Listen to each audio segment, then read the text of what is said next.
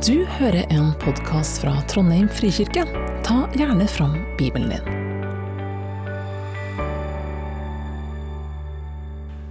De to siste åra har ikke vi kunnet hatt gudstjeneste i påska. Det mm, syns jeg har vært ganske tungt, faktisk. Eh, I år får vi feire påske, men i år feirer vi den i skyggen av krig i Ukraina. Og det er også tungt. For en 10-20 eh, år siden så tror jeg veldig mange av oss tenkte at verden gikk framover. At uh, ting ble bedre og bedre. Og så opplever vi at uh, kanskje i dag ser vi mer med bekymring på framtida enn vi har gjort på lenge. Sykdom og krig, uh, energikrise, klimakrise, matvarekrise. Livet synes faktisk ganske mørkt. Og Selv om pandemien nå er over, så, uh, så begynner vi jo også å se en del konsekvenser av mørket for en del folk gjennom disse to åra.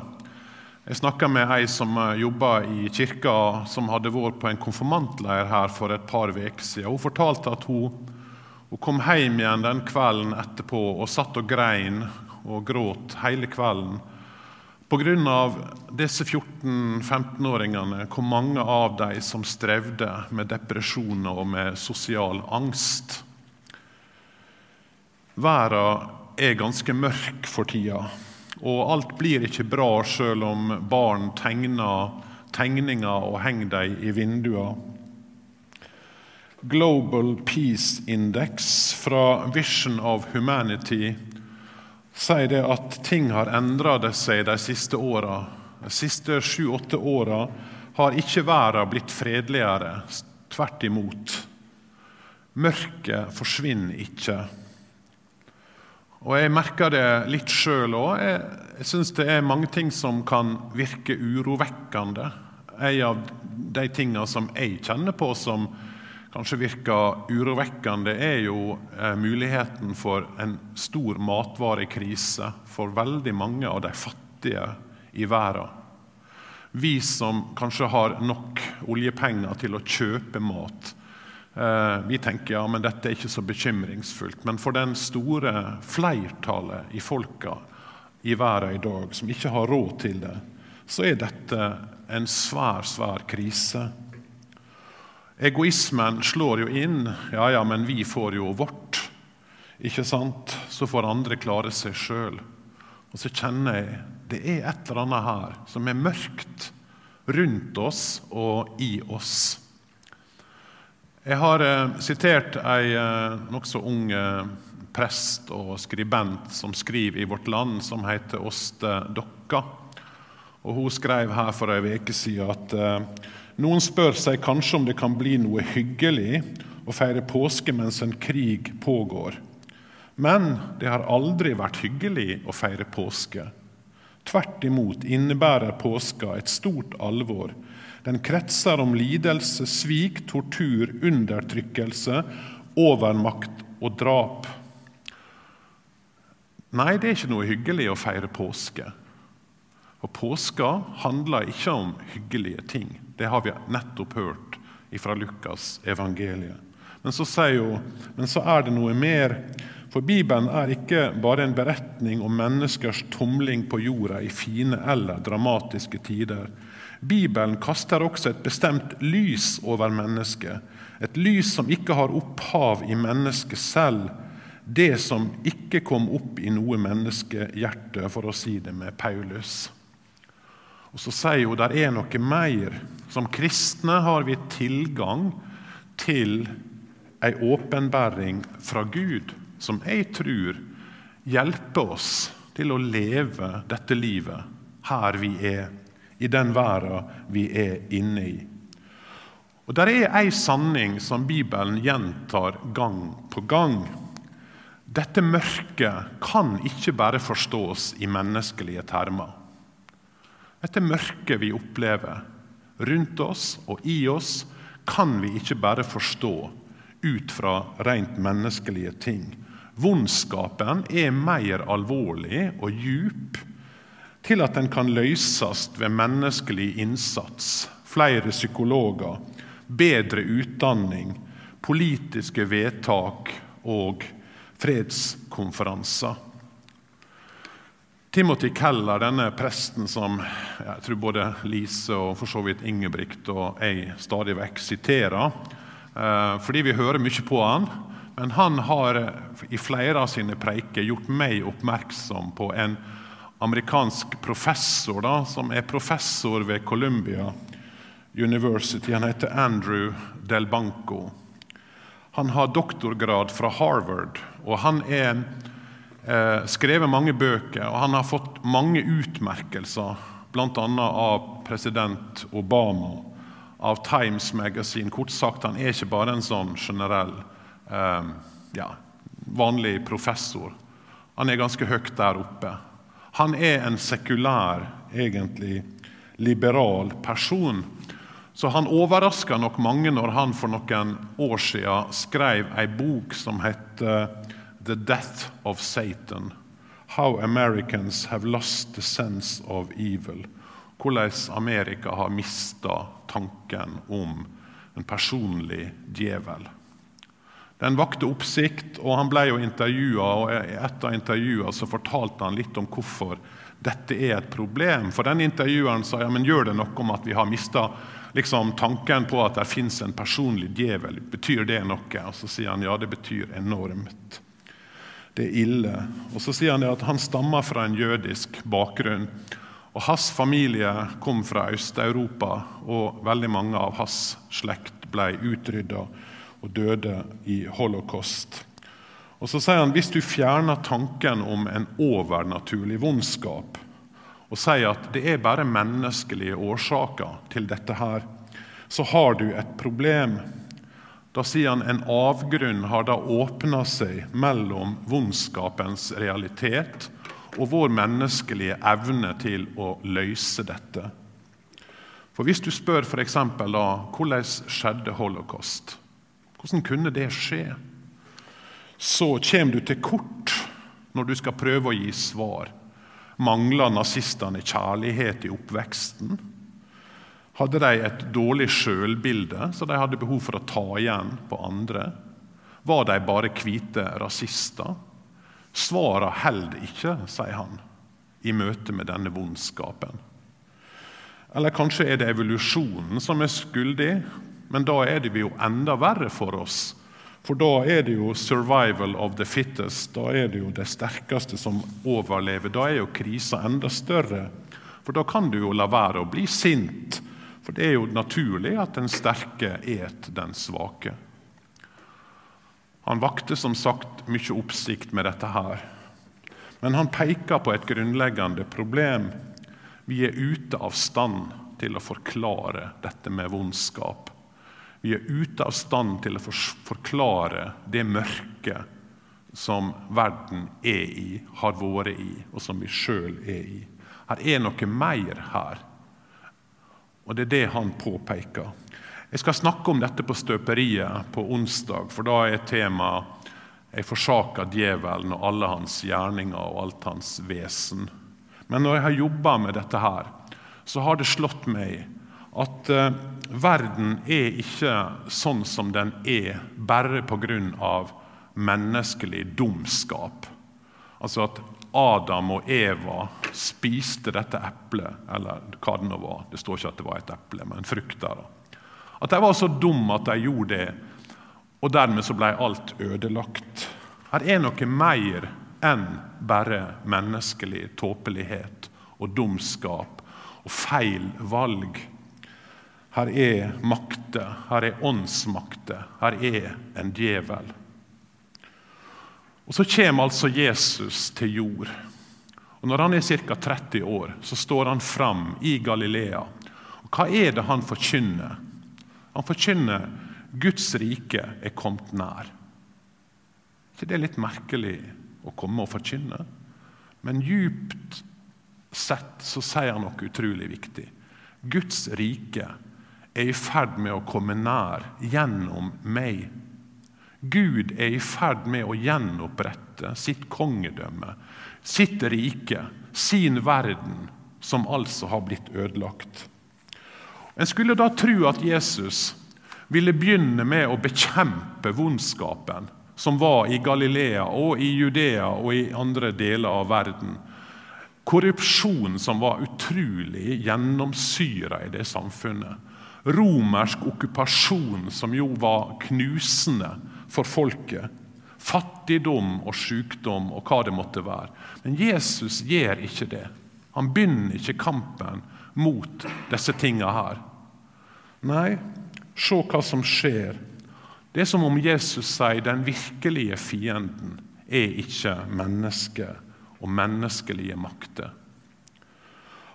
Og Så ser vi når vi leser evangelia, hva som skjer når Jesus står fram. Han går inn i en landsby og de vonde maktene går berserk.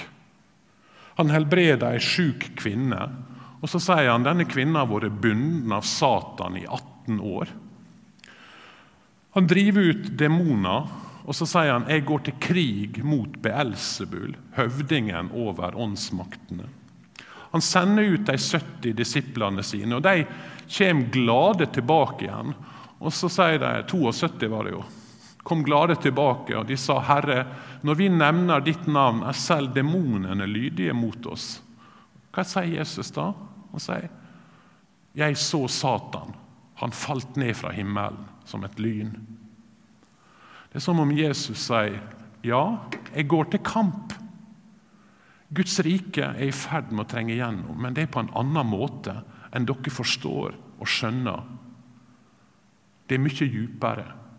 Det er annerledes. Og Så går han altså opp til Jerusalem, til denne påska. Og Med det går han rett inn i mørket. Rett inn i mørket og utfordrer den korrupte makta.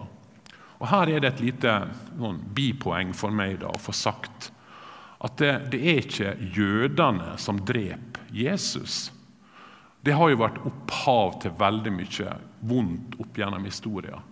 Når du leser grundig evangeliet, så ser du at de fleste jøder var sympatisk overstilt, innstilt overfor Jesus. De tok imot ham med hosianna-rop og palmegreiner. Og Det står jo flere ganger at de prøvde å, makt, eh, leder, lederne prøvde å få Jesus drept, og de kunne ikke pga. folket. Så Det var ikke folket som var imot ham, men det var den korrupte ledelsen som så sin makt og sin innflytelse og sin penger utfordra av Jesus sammen med den romerske redselen for opprør og, på, og uro og ustabilitet. Så det var en korrupt maktelite av øversteprestene og romerske herskere som sto bak dette her. Og det skjedde jo uten at lovene som jødene hadde, ble fulgt. Men altså, Jesus går inn i denne kvelden med åpne øyne. Han går rett inn i mørket. Og Når vi leser Jesu lidelseshistorie, legg merke til hvor mye dette med mørke og med natt blir understreka. Når Judas går ut for å svike Jesus, så står det at da Judas hadde fått stykket, gikk han straks ut. Det var natt. Hvorfor har Johannes med det? Fordi dette er mørkets natt. Dette er mørkets gjerninger. Og Når vi leste i Lukasevangeliet nå nettopp, så sier han til slutt men dette er deres time. Nå er det mørket som har makten. Alt skjer denne natta.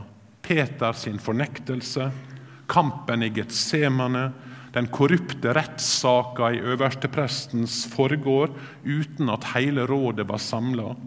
Og under korsfestelsen så leser vi da den sjette time kom, falt det et mørke over hele landet helt til den niende timen.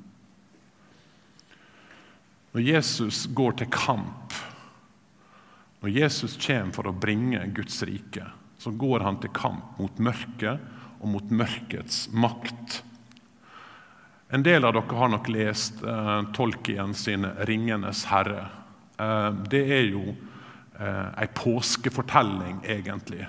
Eh, veldig dramatisk og, og ganske sånn ja, annerledes enn vi kanskje har tenkt. Men Tolkien var jo en kristen, og han skrev på en måte ei kristen fortelling han, han skrev 'Ringenes herre'. Og Hvordan blir seieren over det vonde vunnet i 'Ringenes herre'? Jo, det skjer jo ved at denne hobbiten, denne lille Frodo, gjennom å være villig til å ofre seg sjøl, går inn i mørkets rike, inn i Mordor, for å kaste ringen der. For å bryte trollringens makt.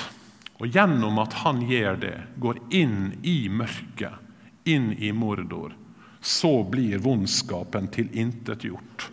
Og den gode kongen kommer og hersker over fredens rike.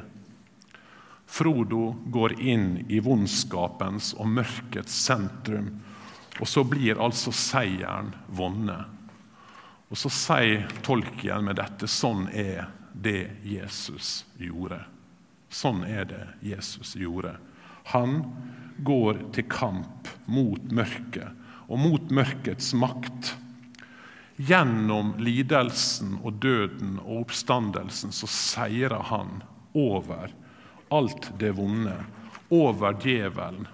Slik som det står i Hebreabrevet i det andre kapitlet. Slik skulle han ved sin død gjøre ende på han som har dødens makt, det er djevelen, og befri dem som av frykt for døden var i slaveri gjennom hele livet. Langfredag handler om noe langt mer enn at Jesus eh, frivillig og uskyldig blir drept, som om det skulle være et godt eksempel eller et forbilde for oss. Nei, djupest sett er langfredag et kosmisk oppgjør med vondskapen og mørket og djevelen. Og så blir det mørkt denne langfredagen. Ikke bare feller mørket over hele landet når Jesus dør, men dette er sabbatskvelden, og det blir mørkt. Og Jesus blir lagt i ei grav, og det blir natt. Og så kan vi lure på hvorfor står ikke Jesus bare opp igjen med en gang? Jeg skal si litt mer om dette på første påskedag, for det er ganske spennende å tenke på. Men kunne ikke Jesus bare sånn Ok, nå er jeg død, og nå står jeg opp igjen. Flott, nå feirer vi. Hvorfor? I ei grav i tre dager. Hva skjer denne natta når Jesus ligger i grava? For det er mørket som varer fra langfredag kveld til første påskedag. Jo, når vi tar fram trosbekjenninga, så sier vi han for ned til dødsriket. Det er jo en setning som vi sjelden snakker om, eller som vi tar fram i talene våre. Men når den er med i trosbekjenninga, så er ikke det fordi at de tenkte ja, vi må jo ha med litt sånn at vi får en litt lengre sak. Nei, de tok kun med det som de mente var avgjørende viktig for å fortelle hvem Jesus er. Og det er ikke tilfeldig. Sabbaten den begynner jo på kvelden. Jeg vet ikke om dere er klar over det, men Det jødiske døgnet begynner jo ikke om morgenen, sånn som vårt døgn. Når vi har sovet og står opp, så begynner liksom døgnet. Nei, døgnet begynner om kvelden. Sabbaten begynner på kvelden. Så det er sabbatens natt en går inn i når en går inn i sabbaten. Og sabbaten var feiringa av Guds store verk i natta. Jeg sa litt om dette i fjor, men jeg har lyst bare å gjenta det. Fordi For en jøde så er sabbatsfeiringa det er feiringa av fire netter. Den første natta var skapelsens natt, da det var mørke og alt var mørkt. Og så sier Gud det blir lys. Feiringa av Gud som skaper lyset. Gud griper inn. Den andre natta en minnes, det er natta da Abraham skulle ofre Isak på Moria fjell. Det fjellet som Jerusalem er bygd på. Og Her går altså Abraham opp på fjellet, Og når Isak spør hva, hvor er offerlammet, så sier Abraham Gud vil selv se seg ut et brennofferlam. Ordet Isak betyr eh, Herren ler. Sara lo jo når hun fikk høre at hun skulle føde Isak. Og Så går altså disse to opp på fjellet, og så, når de ser at Gud faktisk har laga klar et dyr der på toppen, så tror jeg de lo av glede, av lettelse. Gud har sett ut et brennofferlam. De så det lammet som tar bort verdens synd. Den tredje natta var jo, som dere sikkert kan tenke dere, den natta da Gud fridde folket ut av Egypt. Fridde dem ut av slaveriet i stor hast. Og Den fjerde natta den venter jo jødene fortsatt på. Den natta da Gud gjennom Messias skal utfri sitt folk. Og så forteller evangelia på denne kvelden, på denne natta, frir Gud i Jesus Kristus ut sitt folk for Jesus drar denne natta inn i dødsriket. Og hva gjør han det der? Det står i Peters brev at han gikk bort og forkynte for åndene som var i fangenskap. De hadde vært ulydige i Noas dager, den gang Gud ventet tålmodig mens arken ble bygd. I den ble noen få mennesker, åtte i alt, frelst gjennom vann.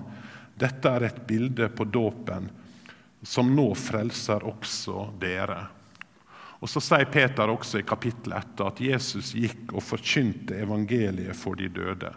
Og Her er vi jo på, kunne vi hatt en bibeltime om, men her er et, kanskje et viktig poeng.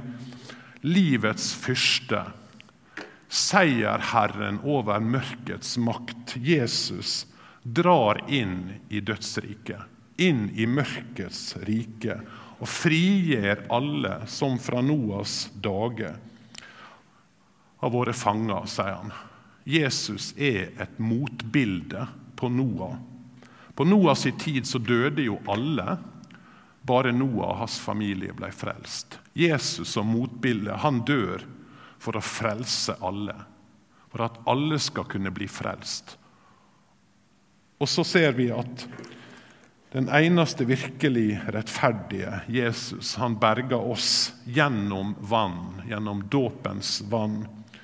Det vannet som var på Noah sine dager, var dødens vann, er nå blitt frelsens vann gjennom Jesus og dåpens bad.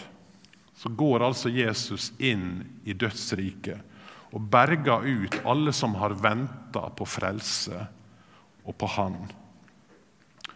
Og så er det det som denne natta som vi nå går inn i, som varer på en måte fram til første påskedag, forteller oss at Jesus han har gått foran. Han har gått foran oss inn i dødsriket. Og For meg er det ei trøst at han har gått foran meg også der. Fordi vi skal jo møte dette alle. Og som noen sier, du rykker stadig fram i køa. Og I alle fall kjenner jeg på at jeg gjør det. Men her sier Jesus ja. Jeg har gått foran deg. Dødsriket er jo ikke noe naturlig sted for oss mennesker. Fordi døden var ikke det som Gud hadde tenkt. Det står at døden kom inn i verden gjennom syndefallet. Gjennom alt som gikk galt, så kom døden inn i verden. Det var ikke sånn Gud hadde tenkt det når han skapte oss. Men det at Jesus har vært gjennom